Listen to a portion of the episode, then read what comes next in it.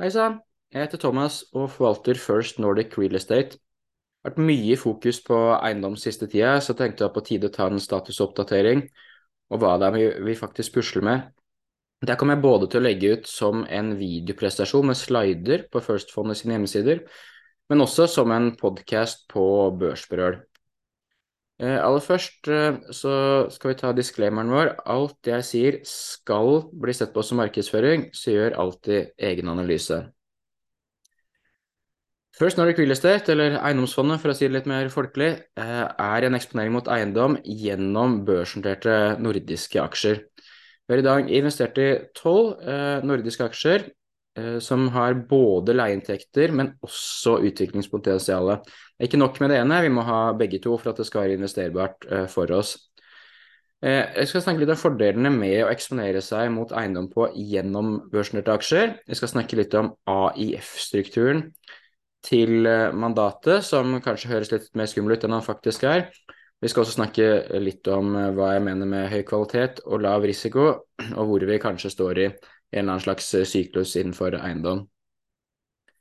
Eh, eiendom skal jo ha en stabil utvikling i sine leieinntekter, og med et fond som vi har, som har rundt 25 millioner kvadratmeter vi er eksponert mot, så, så, har du faktisk en stabil utvikling i leieinntekter. Som ikke har vært like stabilt, har jo vært eh, rentekostnadene og verdsettelsen av eiendomsaksjer. Dette skal vi selvfølgelig snakke mer om. Vi syns Norden er et fint, et fint, marked. Du har nærhet til, til selskapene, du har noenlunde styring på hva som blir bygd i de ulike byene, og du har gode makroøkonomiske rammebetingelser både i form av hvordan eh, økonomisk vekst og utvikling er, hvordan ledighet er, men også at det er et stabilt regulatorisk miljø vi er eksponert i.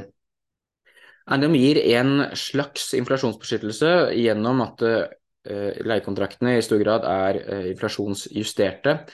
Nå er det jo sånn at Når rentene går opp med 100% og inflasjonen 10% så vil det jo gi en midlertidig ubehagelig situasjon, og, og, og vice versa. Men, men, det gir likevel en, en, grad av beskyttelse at du har inflasjonsjustering i, i kontraktene.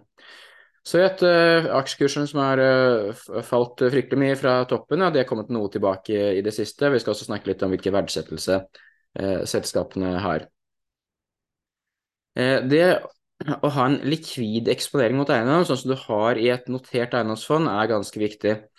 Du har daglig likviditet, det er gratis både å kjøpe og, og, selge andeler. og Det er ikke sikkert det er hvis du enten prøver å eksponere deg ved å kjøpe, en, eh, kjøpe leiligheter eller, eller, del av et bygg eller et syndikater eller unoterte fond. Som det både kan være dyrt, det kan være tidkrevende, og noen ganger så er det ikke, er det ikke mulig heller å, å, gjøre det. Det er også enkelt uh, å oppnå bred diversifisering. Som sagt så har vi 25 millioner kvadratmeter i, i fondet som vi har om de tolv selskapene vi har. Og de er delt på ulike instrumenter, leietagere, geografier, også, også forretningsmodeller. Det er også enkelt da, for meg som forvalter å endre eksponering i den grad vi ønsker det, selv om det er ikke noe jeg gjør så uh, ofte. Jeg gjør det oftere enn jeg burde gjøre. Jeg skal prøve å gjøre det mindre framover. Eh, vi har også god tilgang til informasjon, fordi børsnerte selskaper har streng krav gjennom kvartalsrapportene, der vi har en rekke nøkkeltall som vi følger på både finansiering, på eiendomsportefølje og på andre viktige parametere å følge for eiendomsselskapene. Vi kan også i de fleste selskaper følge det over lang tid, for mange har vært notert i, i, i mange år. Og så er det viktig innenfor eiendom å ha en kritisk størrelse for at du skal oppnå en god, langsiktig verdiskapning. Det er ikke sånn at eiendom skalerer uendelig mye, det er ikke om å gjøre størst, men det er om å gjøre ha en størrelse som gjør at du kan få tak i den verdiskapningen. Eh, og Da tenker jeg både på dette med utleie, drift og vedlikehold. Ingen av selskapene i fondet skal gjøre ekstern facility management. De skal gjøre alt internt. Det skal være folk med eh, logo på ryggen det er vel ingen som ikke vil møte leietakerne sine når du skal tegne nye leiekontrakter. Det er et som er gått i stykker, du skal reparere. Da spør man går det greit med dere, trenger dere mer plass, trenger dere mindre plass, er det noen andre behov dere har som kan være lettere å forstå når du faktisk da møter kundene dine, som egentlig virker ganske opplagt uh, å gjøre. Uh, det å kunne ha kompetanse innenfor prosjektutvikling er, jo åpenbart viktig, enten det gjelder å, å, kunne få regulering av tomter til regulering av, av bygg, utvidelse av bygg, Eh, til å gjennomføre prosjektet faktisk da på, på, kost og tid. og Det er ikke alle som klarer. F.eks. Norwegian Property hadde store kostnadsoverskridelser, tidsoverskridelser, når de gjorde utbygging på Aker Brygge. Så det, det, er selvfølgelig viktig, en viktig kompetanse å ha, fordi det å få større arealer er en viktig verdidriver innenfor eiendom. Finansiering er selvfølgelig også viktig. Finanskostnader er den største kostnadsposten til de fleste eiendomsselskapene. Og Derfor er det viktig, kanskje aller viktigst, er det å ha tilgjengelig finansiering. Når andre ikke har det, at du har en relasjon til banken din, du har et navn i obligasjonsmarkedet som gjør at du har tilgang til det på så gode vilkår som mulig, og kanskje så, så lang finansiering som mulig. Men så ikke glemme at tilgang til egenkapitalfinansiering også er viktig. Vi har hatt flere selskaper i det siste som har gjort emisjoner på kurser som er godt over deres eh, Nav, eller verdijusterte egenkapital, for å bruke et annet begrep på det, som gjør at det kan vokse innvannet.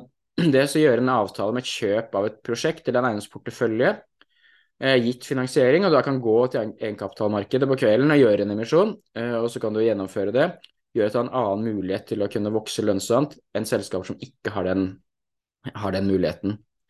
Det er også viktig å ha en stor base med eiendommer, fordi for det første leietakerne endrer seg over tid. Det er veldig få leietakere som ser akkurat like ut eh, om ti år som de, som de, gjør i dag, fordi noen trenger mer plass, noen trenger mindre plass, kanskje man trenger annen type plass.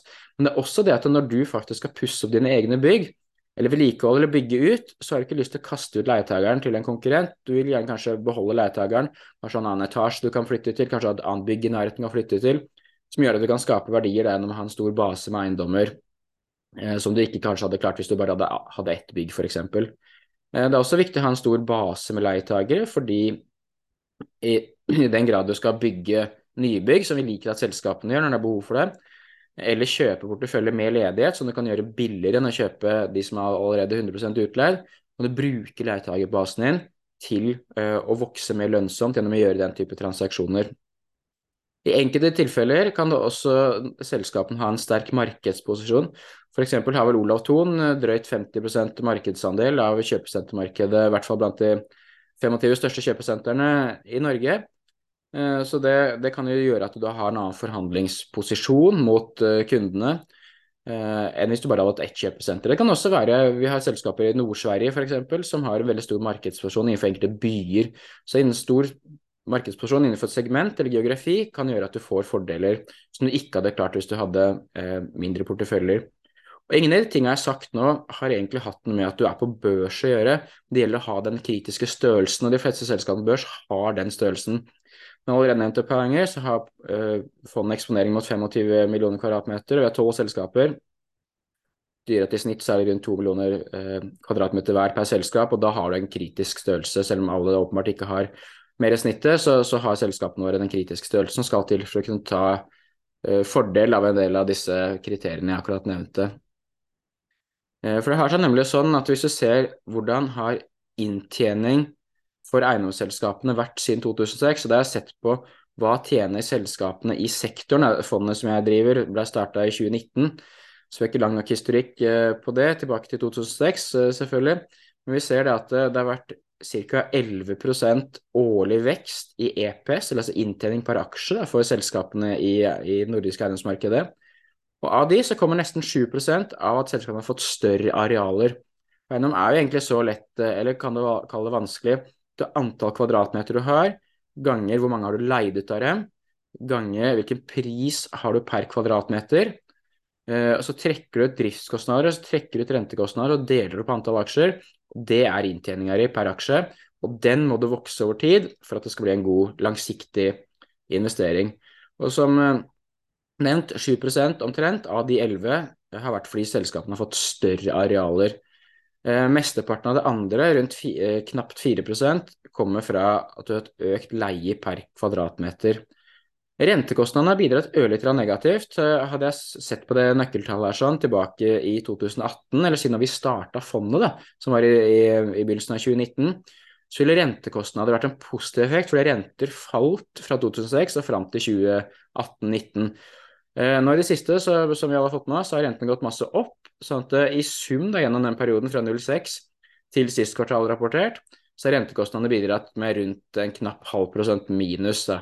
Så det er liksom pluss fram til 2018-19, en stor minus fra derfra til i dag, og i sum bitte litt minus på det.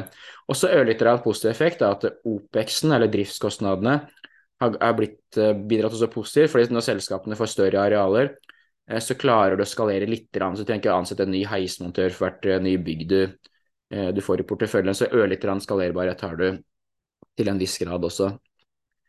Dette med AIF, eller alternativt investeringsfond, som dette mandatet er under, syns jeg er veldig essensielt for å kunne få den beste mulige eksponeringa til en eiendom som man kan. For en AIF det muliggjør at vi kan ha en høyere konsentrasjon enn et vanlig USITS-fond. USITS-fond er det de aller fleste aksjefond er. Under et USITS-fond kan du ikke ha noen selskaper som utgjør unnskyld, eh, over eh, 10% av fondet, og de som utgjør mellom 5 og 10% kan i sum maks utgjøre 40 Så når jeg jobba i Odin og forvalta Odin eiendom, som er på et usitsmandat, så endte det med at jeg hadde fire selskap på 9,5% for da hadde vi så nær opp mot 40 som jeg turte å ha. Så hadde en haug med selskap på like under 5 for å klare å være så konsentrert som mulig. Under et AIF eh, så kan vi ha inntil 15% av fondet i et enkelt selskap, og de som utgjør 10-15 eh, kan utgjøre 75 til sammen. Så det gjør at vi kan ha et mye mer konsentrert fond enn det eh, USITS er. Så vi har som sagt tolv selskaper nå. Mandatet er 12 til 15. Og, men betyr ikke dette høyere risiko da, hvis du har så få selskaper? For det første da, så jo, er jo det jeg ser på som mulig investeringsunivers, har bare 35 selskaper ca. Litt flåsete, så 17 av de er bedre enn snittet, ett er snittet, og 17 er dårligere enn snittet, eller medianen er kanskje jeg skulle brukt som ord. Men uansett, det er ikke alle de selskapene som har skikkelig god kvalitet. Faktisk er det bare et fåtall. som investerer for mange selskaper, eller få dårlige selskaper også. For det andre så kommer, sånn jeg ser det, diversifisering ikke fra antall selskaper, men for stor den totale porteføljen din er. Og når vi, som jeg har nevnt flere ganger allerede, har 25 millioner kvadratmeter, så gir det en veldig god differensiering. Sånn enkelt sagt, da, ett selskap med 1 million kvadratmeter, eller ti selskaper med 100 000 kvadratmeter hver, det er litt same same, gitt at du ikke har en stor finansiell risiko eller andre enkeltrisiko. For det er antall kvadratmeter som, og hvordan de er fordelt, som utgjør hvilken risikoprofil du har. Så Derfor så mener jeg at AIF-struktur det blir en optimal kombinasjon av konsentrasjon og diversifisering. Eh, vi liker eiendommer med høy yield, og du får ikke noen nobelpris av å si det. Og problemet med å, å investere i høy yield er at det ofte følger med høy risiko Typisk segment som har høy yield, det er jo lager. Eh, et lager, hvis du mister kunden din på et lager, så kan det litt sånn enkelt sagt bli verdiløst, fordi et lager er et eiendomsteknisk enkelt bygg. Eh, det er fire vegger og et tak på en flekk asfalt eh, ute i Gokk ut mot flyplassen et eller annet sted, typisk. da. Så for å klare å få lav risiko, men samtidig høy gild, så må du ha fryktelig mange lagre. Så det er 100 lagre med 7% yield, og én leietager eller ett lager går konk, så er det fortsatt 6,93% yield igjen. Så her er liksom den gratis lunsjen du får i finansmarkedet. Du må spre lager på mange, mange, mange bygg. Så vi har mange, hvert selskap har mange bygg, og vi har mange selskaper som også driver med lager. Så vi prøver å ha en stor spredning på det. 45% av fondet er eksponert mot eh, logistikk og lager. Eh, vi har 12% mot handel, og der er det litt blanda. Vi har noe kjøpesenter som, eh, som vi syns er interessant, fordi kjøpesenter er et segment som er vanskelig. Det er ikke bare eh, en 15-årskontrakt med staten og slenge beina på jord og ikke gjøre en dritt. Du, det krever mye. da Du skal ha en sammensetning av kjøpesentrene, du skal ha fellesarealer som er, er fornuftig. Skrudd sammen, du skal ha reklame for kjøpesentrene, kampanjer og alt det sånn. Skal henge sammen. Så kjøpesenter er vanskeligere i mange andre segmenter. For å tjene mye penger, så bør du kanskje gjøre noe som er litt vanskelig. Så vi har 12 til sammen i handel. Men den andre delen av handel, det er jo litt sånn der lagertype handel. Type Maxbo som står også ikke midt i byen, men et, eller annet sted, med et, et enkelt uh, bygg, eller Plantasjen, som kanskje på mange måter ligner på et lager. da.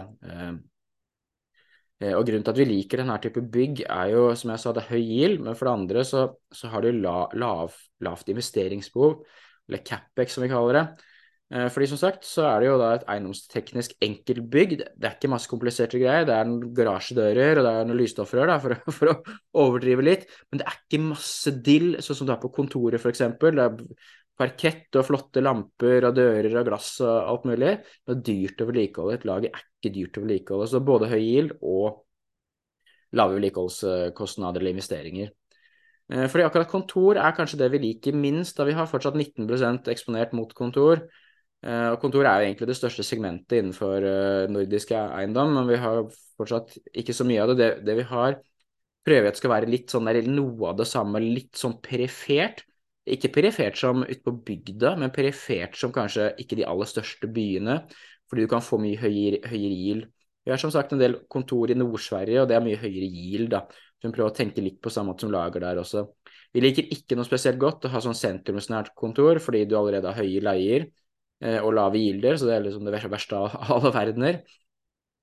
Eh, og vi, vi, så jo da senest eh, for noen uker siden at Fabg, et kontorselskap i Sverige, i Stockholm, eh, fornya en kontrakt eh, med svenske skoleverket eh, på jeg tror det var 15 lavere leie per kvadratmeter fordi leiene har blitt dytta for langt opp av inflasjonen, så når du skal tilbake til markedsleie, så må du ned på det. Så det er et viktig poeng som jeg skal snakke litt mer om om et øyeblikk. Men først så tar resten av fordelinga. Vi har 4 innenfor samfunnsbygg.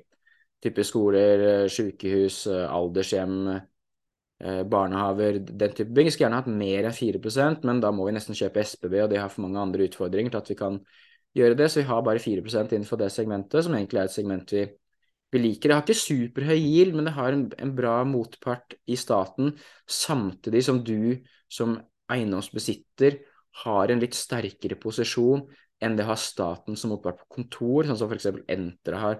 For kontor er mer generisk enn et eh, sykehus, f.eks. Eh, det er typisk at når du har bygd et sykehus, så vil staten fornye, eller myndighetene fornye den kontrakten med deg, heller enn å bygge et eh, nytt sykehus rett siden av. På kontor så kan det være litt vanskeligere, for kontor finnes det så mange av, så da kan de bare si at da tar vi et annet kontor isteden. Vi har 15% innenfor bolig, og det er primært eller jeg sier primært, så er, det kanskje litt over halvparten av de 15% er, er i Sverige, og hyresretter. Hyresretter er et regulert marked. Det er det eneste segmentet som egentlig har skikkelig lav yield innenfor. Uh, vi, har det for det fordi du har lav ledighetsrisiko, det er et regulert marked. Det er veldig veldig mange som står i kø for å få en hyresrett i Sverige. Så du, du, får ikke noe særlig ledighets, eh, noe økt ledighet her. Og samtidig, så når folk flytter, som de innimellom gjør, egentlig altfor sjelden, så får du lov til å gå inn og pusse opp, dvs. Si legge parkett, branndør, eh, flise på badet, ventilasjon, litt sånne ting. Og da får du lov av Hyresgjestforeningen i Sverige ta en høyere leie enn du hadde fra før, og investeringen, eh, den investeringen du gjør, den får en veldig god avkastning for deg. Så det er litt eh, gleden med å ha bolig i Sverige. For den avkastninga som kommer innimellom, og så har du lav ledighetsrisiko. Vi også, eh, kanskje litt under halvparten av de 15 er i, er i Finland, som er et likt marked som Norge. Altså bitte litt boliger i Norge, faktisk, selv om det er langt under 1% av, av totalen gjennom, gjennom Olav Thon. Men vi har også sett eh, Jeg snakka varmt om eh, lagerlogistikk og, og pga. høy gild og pga. Lav, eh, lav, lavt investeringsbehov. Men et kanskje vel så viktig poeng er at lagerleiene i noen av selskapene, faktisk en del av selskapene, er veldig veldig lav, og mye lavere markedsleie. Og Det har vi sett på nye kontrakter i det siste, fra f.eks. SLP og Catena, som har leid ut nye lager som de som de bygger på priser som er bortimot 100 over eksisterende priser eh, på lager. Kanskje man kan si at et nytt lager skal høre leie enn brukt lager, men lager blir ikke så innmari slitt, det er ikke så stor forskjell på det. Så jeg tror det at eh, lagerleier har vesentlig oppside, vil ikke være noe problem å få gjennom eh, inflasjonsjustering. Og når du får fornyelse av kontraktene, så vil det bli gjort på mye, mye høyere nivåer enn det er i dag. Og der ser du på byggekosten på lager, som er langt høyere enn det selskapene verdsatt til, sånn at du får en viss beskyttelse da fra et overtilbud eh, basert på det. Så lager som sagt, er det vi, segmentet vi liker definitivt eh, best. Jeg nevnte så vidt eh, inflasjonsjustering, og det har jo kommet hva vi får som inflasjonsjustering når vi er inngang til 2024. I Sverige vil den være 6,5% i Finland 4,9 og i Norge vil den være 4,8% mens i Danmark så er det basert på litt rullerende Eh, kontrakter. Så når jeg skal prøve å regne ut dette sånn, i sum så kommer jeg til et sted noe under 6 altså kanskje mellom 5,5 eh, og 6% som da kommer til å komme gjennom, og gi en, et uplift da. Og Det som er litt spesielt med inflasjon, det, det er sånn, sånn der hopp du får én gang i året. da. Renter og andre ting vil være mer sånn gradvis prosess. Det går litt opp og det går litt ned, og det hopper ikke én gang i året, og så er de ferdig med det. Men inflasjonen gjør det. Eh, så du fikk i det et ganske betydelig hopp ved inngangen til 2023, og du kommer til å få et, et, hopp som ikke er like stort, men fortsatt betydelig og langt høyere enn historisk snitt også da i, i 2024. Og når vi ser på fordeling av porteføljen, så har vi 74% av kvadratmeterne våre står i Sverige. 10% står i Finland, 5% står i Norge, 5% er i Danmark, og 6% er utafor Norden. Det er primært Europa, da, i Frankrike, Spania, Nederland og Nord-Tyskland og Nederland. Tyskland og England også, mener jeg. Eh, er det en eiendomskrise? Mange vil jo sikkert si det, og hvis du leser avisa, så tror du i hvert fall det. Men hvis det skal være en eiendomskrise, så tenker jeg mer at det må være fordi du har blitt bygd i hjel, sånn som det kanskje ble blitt i Spania og Irland i, i, i forrige krise. Men jeg tror egentlig at eh, krisa står i liksom tilgang til finansiering og ser på igangsetting av boliger. Jeg skulle gjerne vist eh, det her sånn, hatt data på det på, på næringsbygg også. Det har vi ikke like god data på. Så ser vi at det er et betydelig fall i uh, igangsetting av boliger både i Sverige og Finland. I Sverige var det igangsatt 70 000 boliger på, på topp. Uh, det blir sannsynligvis et sted rundt 25 000 i år. Og runrate ligger allerede under 30 000. Dette er kvartalsvis data vi får fra SCB, som det heter der borte. Og så I Finland så er det noenlunde, noenlunde samme bilde, med et vesentlig fall i igangsetting av, eh, av, bolig. Vi skal anta at det er liksom ikke helt ulikt på, på, næring. Så betyr det at det er ikke tilbudet som kommer til å knekke det markedet der. sånn, uh, og det er en veldig bra ting uh, for de som allerede besitter eiendom, ikke minst det som klarer å uh, utvikle og bygge eiendom. For Det er jo faktisk sånn at en krise skal man ikke kaste bort. og Noen av selskapene i fondet vårt de klarer å vokse gjennom den krisa vi er gjennom nå. Det vil si, de klarer å bygge når andre ikke har kapital til det. De klarer å kjøpe eiendom, ikke minst, andre ikke klarer det. De vil få en styrka posisjon når vi står på, på andre sida. Primært så gjelder dette selskaper som Sagax, SLP, Emilshus og Catena, som faktisk tilfeldigvis alle lagerselskaper, men også til en viss grad K Fastigheter, som også klarer å, å bygge uh, og sette i gang bolig billigere enn mange andre, og da gjør det mye nå som da klarer å få en styrka posisjon gjennom den syklusen som vi, som vi går gjennom. Rentene har, som alle har fått med seg, eh, gått vesentlig opp. Kortrenter har egentlig flata ut eh, de siste månedene, gått bitte litt ned. Mens langrenter har faktisk falt en del i det siste, eh, etter å ha stiget ganske mye da fra, fra, etter, fra rundt covid-tider. Europeiske renter har gått fra null til tre, er og en halv. Svenske renter gått fra litt over null, eh, litt samme mønster, opp til tre og en halv, er nå nede i, i, i tre. Mens norske renter, som ikke er så viktige for fondet, har også falt da fra drøyt 4 til uh, noe under 3,5% sånn som det, det, ser ut akkurat nå. Eh, og EBIT-yielden i fondet ligger i dag på, på litt under 5 EBIT-yield Eh, er rundt 30 basispunkter lavere enn den netto-yielden som vi pleier å snakke om eh, når du leser avisa og, og andre ting. Eh, og den er gått opp da fra drøyt litt under 3% på det laveste, som det var når det var en kjempehås, som det på svensk, i eiendom høsten 21, opp til 5 har nå gått noe ned fordi aksjekursen har begynt å, begynt å gå oppover igjen de siste, siste ukene. Verdsettelsen til, til selskapene uh, steiger betydelig. altså Dette er egentlig det motsatte bildet da, av, av, det Yielden sier. Da. Når Yielden går opp, så går verdsettelsen ned, og vice versa. Og når det, var, når det var veldig bullish stemning høsten 2021, så var jo PE, price earnings, pris til inntjening, på selskapene i markedet på 30 eh, som er det høyeste vi har sett siden før finanskrise. Og det gikk jo på å si som det måtte gå I hvert fall når rentene begynte å gå opp, så gikk jo eh, verdsettelsen ned, og den var nede i 15, og nå er den oppe rundt 18 da, på, eh, på siste fire kvartalers inntjening.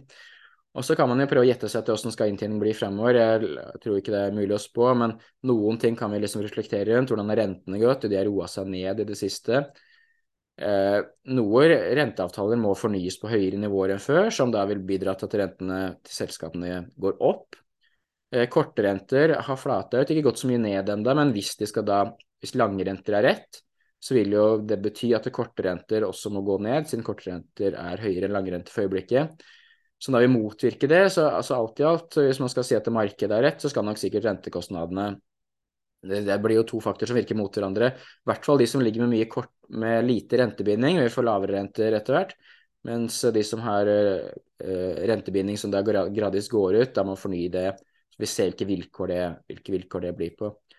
Uh, det er også viktig å se på, som jeg akkurat nevnte, inflasjonen vil jo gjøre at vi får en rundt høy, 6 høyere inntekter da, eller kanskje 5,5-6 uh, høyere inntekter av, fra årsskiftet, som også bidrar til at den E-en går, går oppover.